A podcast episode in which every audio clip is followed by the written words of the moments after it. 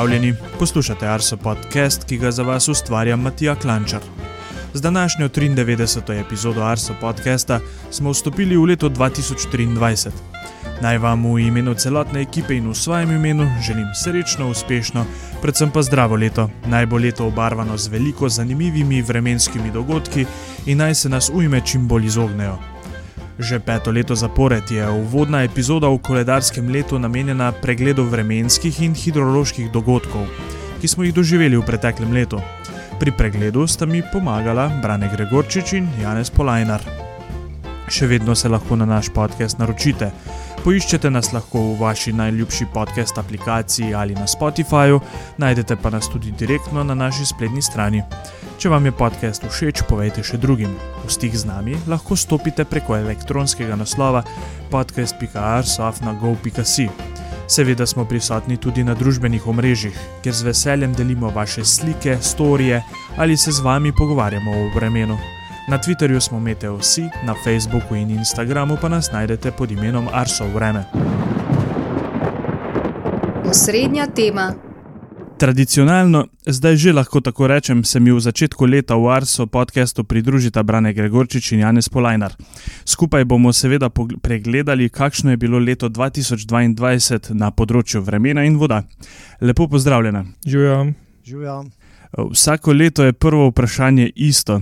Kateri dogodek lanskega leta se vam je najbolj vtisnil v spomin, pa da bi ga na začetku izpostavila?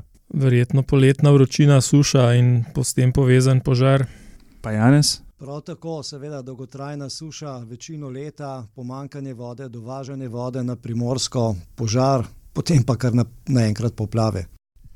Pa se kar zakopljimo na začetek leta in pa kako smo pričeli z januarjem, brane.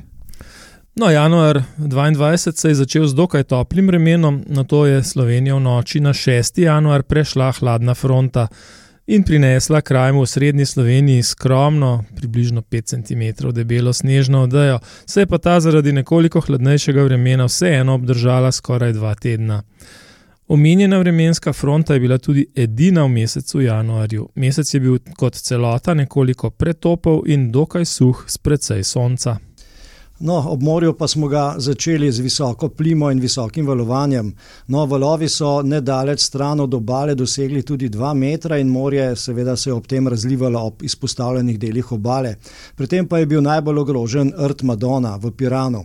Sicer pa smo stopili v leto 2022 z nekoliko manj vodnih zalog kot v prejšnjih letih. Reke so bile v začetku meseca in celotni mesec malo vodnate. Um, le v začetku so nekoliko narasle, ampak le prehodno. Je bil februar kaj bistveno drugačen? Ja, bil je še toplejši, prinesel je okoli 3 stopinje nadpovprečne temperature, hkrati je bil razmeroma suh in tudi osončen, snega po nižinah ni bilo, tudi v gorah ga je bilo bolj malo. No, tudi reke uh, so bile malo vodnate, in počasi nas je že začelo skrbeti, kako bo z vodo čez leto. Saj je bilo snega v hribih zelo malo, Zato smo se zelo veseli, smo bili pač zelo veseli tega prehodnega naraščanja rek v zahodni Sloveniji sredi meseca, ampak so reke žal hitro spet nazaj upadle na prejšnjo raven. Nizkovodne razmere so se tako še kar nadaljevale. Je mesec sušec uh, lansko leto upravičil svoje ime? Ja, zelo se je trudil v tej smeri. Temperaturno je bil sicer povprečen, ampak izjemno suh in tudi s precej sončnega vremena. Prve kaplje dežja so po Sloveniji padle šele tik pred koncem meseca. No, v tem mesecu smo že začeli beležiti tudi prve sušne razmere na vodonosnikih podzemnih voda. Najmanjše zaloge podzemne vode so bile na Vipavskem, nekoliko bolje je bilo le v srednji in pa zahodni Sloveniji. Običajne zaloge podzemne vode pa smo imeli le v vzhodni Sloveniji, torej na Štajerskem in pa v Pomorju. Reke pa so bile vse mesec malo vodnate. Na veliko rekah smo beležili tudi najmanjše marčovske pretoke v zadnjih 40 letih. Vodnatost reke je bila le 60 odstotkov manjša od običajne. Je bil končno april kaj bolj muhast? Ja, eh, k sreči ja. April je prinesel bolj nestanovitno vreme z razmeroma pogostimi prehodi vremenskih front.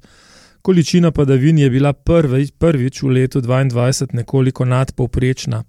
Zanimivo pa je, da je bila hkrati nekoliko nadpovprečna tudi osončenost, eh, mesečna temperatura pa je bila za spoznanje nižja od klimatskega povprečja. No, vodnatost rek po Sloveniji se je v aprilu le nekoliko povečala, glede na marec, na predhodni mesec, le vodnatost Mure in pa Drave je ostala enaka, oziroma se je celo zmanjševala. Kljub temu pa je bila skupna vodnatost rek še vedno precej podpovprečna, za približno eno tretjino manjša od običajne. Maja je pa bilo kar toplo, imamo v spominu. Ja, maj je bil izrazito pretopov mesec, že sredi, april, že sredi meseca smo izmerili okoli 30 stopinj, v osrednji in zahodni Sloveniji je bil tudi precej presuh, nas je pa dne 25. maja od severa pres, dosegla kar izrazita hladna fronta in povzročila tudi prva poletna neurja. No, in seveda smo v tem mesecu že začeli opozarjati tudi pred hudourniškimi vodami in težavami z odvajanjem padavinske vode ob neurjih. V rekah pa se je še vedno pretakalo premalo vode za ta čas. Reke so postajale tudi vse toplejše. Sava, Savinja, Ledava in Rižana so v spodnjem toku v tem mesecu že dosegle in presegle 20 stopinj. Že smo pri poletnih mesecih, kakšno pa je bilo lansko poletje? Ja, poletje 2022 je bilo marsičem podobno, doslej najbolj vročemu poletju 2003. To velja tako za temperaturo, kot tudi za trajanje sončnega sevanja. Je bilo pa poletje 2022 marsikje v zahodni in srednji Sloveniji še precej bolj sušno kot tisto iz leta 2003. V Ljubljani je tako naprimer padlo le 42 odstotkov povprečne količine padavin za poletno tri mesečje in tako suhega poletja v Ljubljani ne beležimo vse od začetka meritev, to pa je od leta 1857. Kaj pa kaj vročinski valovi? Ja, seveda, ni šlo brez vročinskih valov. Nekako doživeli smo štiri, čeprav morda od kraja do kraja bi lahko klasificirali tudi drugačne število. No. Najdaljši vročinski val je bil nekje med 18. junijem in 4. julijem. Um, bolj še bolj izrazit, kar se tiče visokih temperatur, je bil tisti v drugi polovici julija. Takrat je temperatura v Beli krajini dosegla 39, v Ljubljani 38 stopinj, na Goriškem pa je ob tem vročinskem valu v drugi polovici julija maksimalna temperatura kar sedem zaporednih dni presegla 35 stopinj. Potem avgustovska vročinska vala sta bila že uh, nekoliko milejša, razmeroma kratka. Eh, če pa gledamo poletje kot celoto, se je pa živo srebro prvo, prvič povzpelo na 30 stopinj že v začetku junija, natančneje 4. junija, in zadnji vroč dan poletja pa je bil 30. august. Kljub uh, suši pa poletje seveda ni minilo brez krajevnih neuri, predvsem v prvi polovici. Verjetno zaradi te suše uh, se je pa to vse skupaj poznalo zelo tudi na hidrološkem področju, kaj ne, Janes? Ja, drži. Hidrološka suša je to poletje res pokazala svoj pravi obraz. Po rekah se je pretakalo rekordno malo vode, le ena tretjina vode. Izjemno sušne so bile tudi razmere na nekaterih podzemnih vodonosnikih, podzemnih voda, zlasti v Vipavskem, na Vipavskem, na Gorenskem. Reke so bile izjemno, ponekod tudi rekordno tople. Temperatura se je približala 30 stopinjam. Kaj pomeni pomankanje vode, pa smo videli letos na obali, ko so morali dobršen del poletja vodo dovažati iz zajetja Malni na Notranskem. Videli smo, kako je, ko ob, ob velikem požaru primankuje požarne vode za gašenje požara, torej gasilne vode za gašenje. Težave so imele tudi hidroelektrarne, saj niso mogle proizvajati dovoljšne količine električne energije. Težave so se pojavljale tudi drugod, zlasti v kmetijstvu, sadjarstvu, v turizmu. No, recimo Bohinjsko jezero je bilo, lahko bi rekli, kot nekakšno ogledalo letošnjemu poletju. Namreč srednja mesečna temperatura vode v jezeru je bila julija tudi najvišja v opozovanem obdobju in sicer kar 23,7 stopinj, kar je za dobro stopinjo več kot prejšnjo, eh, prejšnja najvišja temperatura, ki je bila izmerjena leta 1983. Tako kot Bohinjsko jezero, ki je bilo nizko, so bila nizka tudi ostala eh, visokogorska jezera, kot naprimer Triglovska jezera, so skoraj da izginila. Vse to nam je preneslo, kot kaže, tudi poletje prihodnosti. Te bom prosil kar za nadaljevanje besede, Janes, ker v septembru so se pa razmere kar obrnile na glavo, kaj ne? Ja, kot bi rekel, hidrološke razmere so se obrnile na glavo. Ja, Dolgotrajno obdobje suše se je v drugi polovici septembra res zelo burno prekinilo s kar dvema epizodama poplav, ki so zajele predvsem poreče Kolpe in Krke, Ljubljanice in tudi Sore. S tem je skupna mesečna vodnata slovenskih rek po kar 14 zaporednih mesecih se je dvignila nad tisto dolgoletno uh, povprečje in, in običajno septembrsko vodnatost. Namreč to septembrsko vodnatost smo tokrat presegli kar za tretjino. Pri tem pa je stopala reka Kolpa, kjer je bil letošnji september tudi najbolj vodnat v vsej zgodovini meritev. Izrazito nadpoprečno vodnate so bile tudi reke v porečjih Idrice, Vipave, Ljubljanice in Sore. No, na drugem koncu Slovenije, torej v vzhodni Sloveniji, pa sta reki Mura in Drava ostali nizki. Tam se to deževje pravzaprav ni nič poznalo. Po reki Dravi se je v tem mesecu pretakalo kar dve tretjini, le, le dve tretjini tiste običajne septembrske količine vode, po Muri pa le polovica. Kaj pa na meteorološkem eh, smislu, kaj pomenilo to s temi padavinami? Ja, kot je Jan že omenil, je bil september dejansko sestavljen iz dveh polovic. Prve, dokaj tople in še tudi razmeroma suhe, in potem zelo hladne in zelo namočene druge polovice. Um, beležili smo rekordno mesečno količino padavin na postaji Osilnica, padlo je kar 795 litrov dežja na kvadratni meter. Sedaj, ko pa seštejemo obe polovici skupaj, pa september izpade povprečno topel, zelo namočen in seveda tudi premalo osončen. Nič nismo danes govorili o morju, oziroma le malo smo ga omenili na začetku leta. Kakšna je bila kopalna sezona letos, Janes?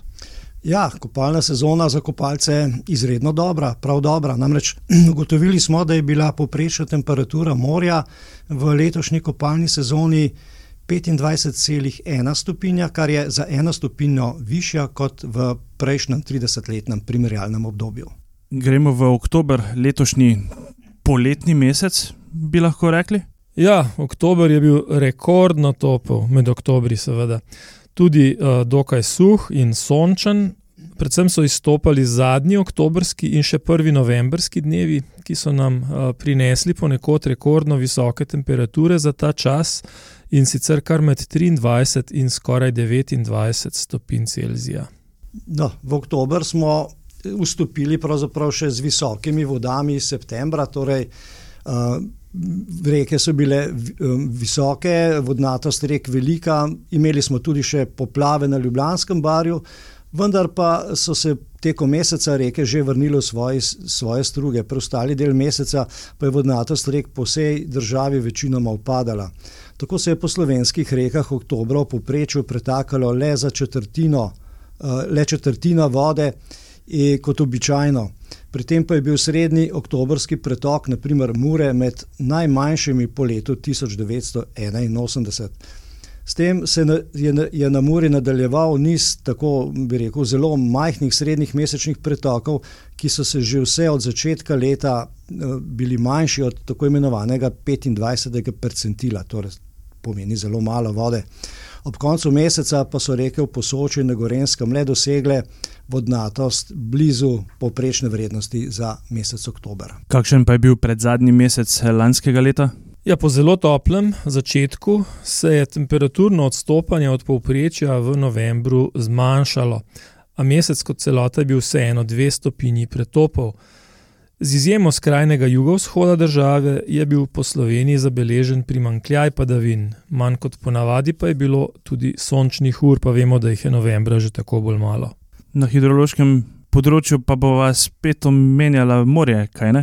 Ja, eh, morje, eh, no, na rekah je bilo seveda vse po starem, reke so spet upadle, njihova vodnatost eh, je bila pravzaprav majhna, po reka se je pritakala le dobra polovica vode, ki je običajna za november. Ja, na morju pa smo zabeležili tudi ekstrem. Zabeležili smo sicer eh, peto najvišjo gladino morja v zgodovini meritev in to je bilo 22. novembra v dopoldanskem času, ko je ob plimi morje naraslo do višine 365 cm, to je izmerjeno na merografski postaji v Kopru, kar pomeni, da je voda segala tudi okoli 60 cm nad najnižjimi deli obale in pri tem poplavila obaljna mesta in pa ostalo, ostale niže dele obale. Še zadnji mesec nam je ostal pravkar končani december. Ja, december je bil nadpovprečno namočen in sredi meseca je celo nekaj snega zapadlo po nižinah, ampak ni dolgo obležal. Sonca je bilo zelo malo, temperature so bile prvi dve tretjini meseca dokaj povprečne, zadnja dekada decembra pa je bila izstopajoče pretopla in z zelo toplim vremenom, marsikje rekordno toplim, smo vstopili tudi v leto 2023. No, decembra smo imeli spet tako bi rekel, običajne vodnate razmere za ta čas. Uh, imeli smo običajno jesensko-zimske poplave na kraških rekah, kraška polja so se tudi ojezerila, kot naprimer Cerkniško jezero je bilo kar veliko, tudi planinsko polje se je ojezerilo. Izboljšale pa so se tudi razmere v vodonosnikih podzemnih voda, kjer smo postopoma prešli iz izjemno sušnih razmer v običajne razmere posod po državi. In če zaokrožimo celotno leto, V letu 2022 so bili le štirje meseci po temperaturi blizu klimatskega povprečja, kar osem jih je bilo znatno toplejših, tako je bilo leto 2022 v Sloveniji doslej najtoplejše v zgodovini meritev, sledijo mu leta 2000. 2014, 2019 in 2018, uvrš, uh, leto 2022 pa se uvršča tudi med šest najbolj suhih in sončnih. Padavinski primankljaj letošnjega leta, ki je v Sloveniji trajal večinoma neprekinjeno od januarja do začetka septembra, uvršča leto 2022 med hidrološko najbolj suha leta na površinskih vodah v Sloveniji. Na posameznih rekah smo zabeležili rekorde tako nizkih voda kot visokih voda, ter tudi najviše temperature vode. Lahko bi rekli, da je bilo lansko leto z hidrološkega stališča leto prihodnosti. In za konec se vama tudi obema eh, najlepše zahvaljujem za vaš čas, za spet lep pregled tega leta in pa verjamem, da bo kmalo spet leto okoli, ko se bomo spet srečali. Ja, želimo si, da ne bi bilo to tako kmalo, ampak gotovo bo. Ja, pa za naslednje leto si želimo precej a, bolj umirjene hidrološke razmere, torej nekoliko več vode, kot smo jo imeli lansko leto. Obeti. Prve vremenske obete v letošnjem letu je pripravil Blaž Šter. Novo leto smo začeli z izjemno toplim vremenom. Za tiste, ki imate radi bolj zimske razmere, napoved ni najbolj spodbudna. Nadpovprečno toplo vreme se bo nadaljevalo tudi v naslednjih dneh. Po noči vendarle manjša sprememba vremena, dosegla nas je oslabljena hladna fronta. Ta je prenesla nekaj malega dežja in bolj gosto oblačnost, prav veliko hladnega zraka pa ni prišlo na južno stran Alp. Že danes čez dan bo v višinah znova zapihal zahodni veter, ki nad nami prevladuje že več kot 14 dni. Oblačnost se bo čez dan rečila, razjasnilo se bo ponekod v severni Sloveniji, bolj ali manj oblačno bo ostalo v srednjih in južnih krajih. Temperature po nižinah bodo v notranjosti okoli 10 stopinj, do 14 stopinj bo na primorskem. V četrtek in petek bo vreme podobno, kot smo ga bili vajeni v preteklih dneh. Več oblačnosti bo na primorskem in notranjskem, več jasnine pa bo bolj proti vzhodu in severu Slovenije. Najbolj sončen tudi po nižinah bo petek, jugozahodnik tokrat ne bo tako izrazit, tako da zlasti na vzhodu lahko nastane megla. Tudi v hribih ne bo posod jasno, saj bo občasno povečana koprenasta oblačnost. Zjutraj bo ponovno nekoliko hladneje, a večinoma bo temperatura malo nad lediščem, čez dan pa bo še vedno zelo toplo za ta čas, od 10 do 14 stopinj. Konec tedna prinaša spremembo vremena. V soboto se bo oblačnost od jugozahoda povečala, prišli bomo pod vpliv globokega in obsežnega ciklona s središčem v bližini britanskega otočja. Nedelja bo večinoma oblačna, na zahodu bo občasno rahlo deževalo, padavine se bodo popovdne verjetno širile proti vzhodu. Glavnina padavin bo verjetno v noči na ponedeljek, ko bo tudi nad severnim sredozemljem nastalo ciklonsko območje. Po nižinah bo verjetno deževalo, dobrodošlo pošiljko novega snega pričakujemo v gorah. Vsaj nekaj snega bo verjetno padlo tudi v alpskih dolinah. Vsaj do sredine prihodnega tedna kakšnih izrazitejših ohladitev ne pričakujemo, bo pa vreme bolj dinamično. Ob severozahodnem višinskem vetru bo glavnina padavin verjetneje zahodneje in severneje od naših krajev. Vsaj dolgotrajnega jugozahodnika tokrat ne pričakujemo, verjetno bo nekaj sonca posod po Sloveniji. Vremenske zanimivosti. V vremenskih zanimivostih bomo tokrat pregledali ekstremne vrednosti celotnega leta. Najvišjo temperaturo smo lani izmerili na postaji Dobliče pri Črnomlju. 23. julija je bila temperatura 39,4 stopinje Celzija. Najnižjo temperaturo lani smo izmerili v Novi vasi na Blokah. 8. januarja je bilo minus 21,4 stopinje Celzija. Najhitrejši sunek vetra je bil izmerjen 7. februarja na Kredarici, ko je pihalo s hitrostjo 171,4 km/h. Najbolj deževen dan je bil na več postajah v Sloveniji 16. septembra, ko je med drugim največ padavin padlo na postajo Šebrelski vrh, kar 258 mm v enem dnevu. Največ sončnih ur v preteklem letu pa je zbrala postaja Portorož, skupaj skoraj 2655 ur. Za konec še nekaj zanimivosti povezanih z našim podcastom. V lanskem letu smo posneli 21 epizod, skupaj za 8 ur in 32 minut materijala. Gostili smo 24 gostov, od tega je bilo 7 takšnih, ki so se vrnili v oddajo večkrat. Največkrat ste slišali glasove Veronike Hladnik Zakotnik, Blaža Štera, Braneta Gregorčiča in Gregorja Vrtačnika. Z nekaj več statistike kot ponavadi smo današnjo epizodo pripeljali do konca. Hvala vam za vse odzive, kritike in poslušanja. Želim vam obilo lepega vremena in se slišimo čez 14 dni.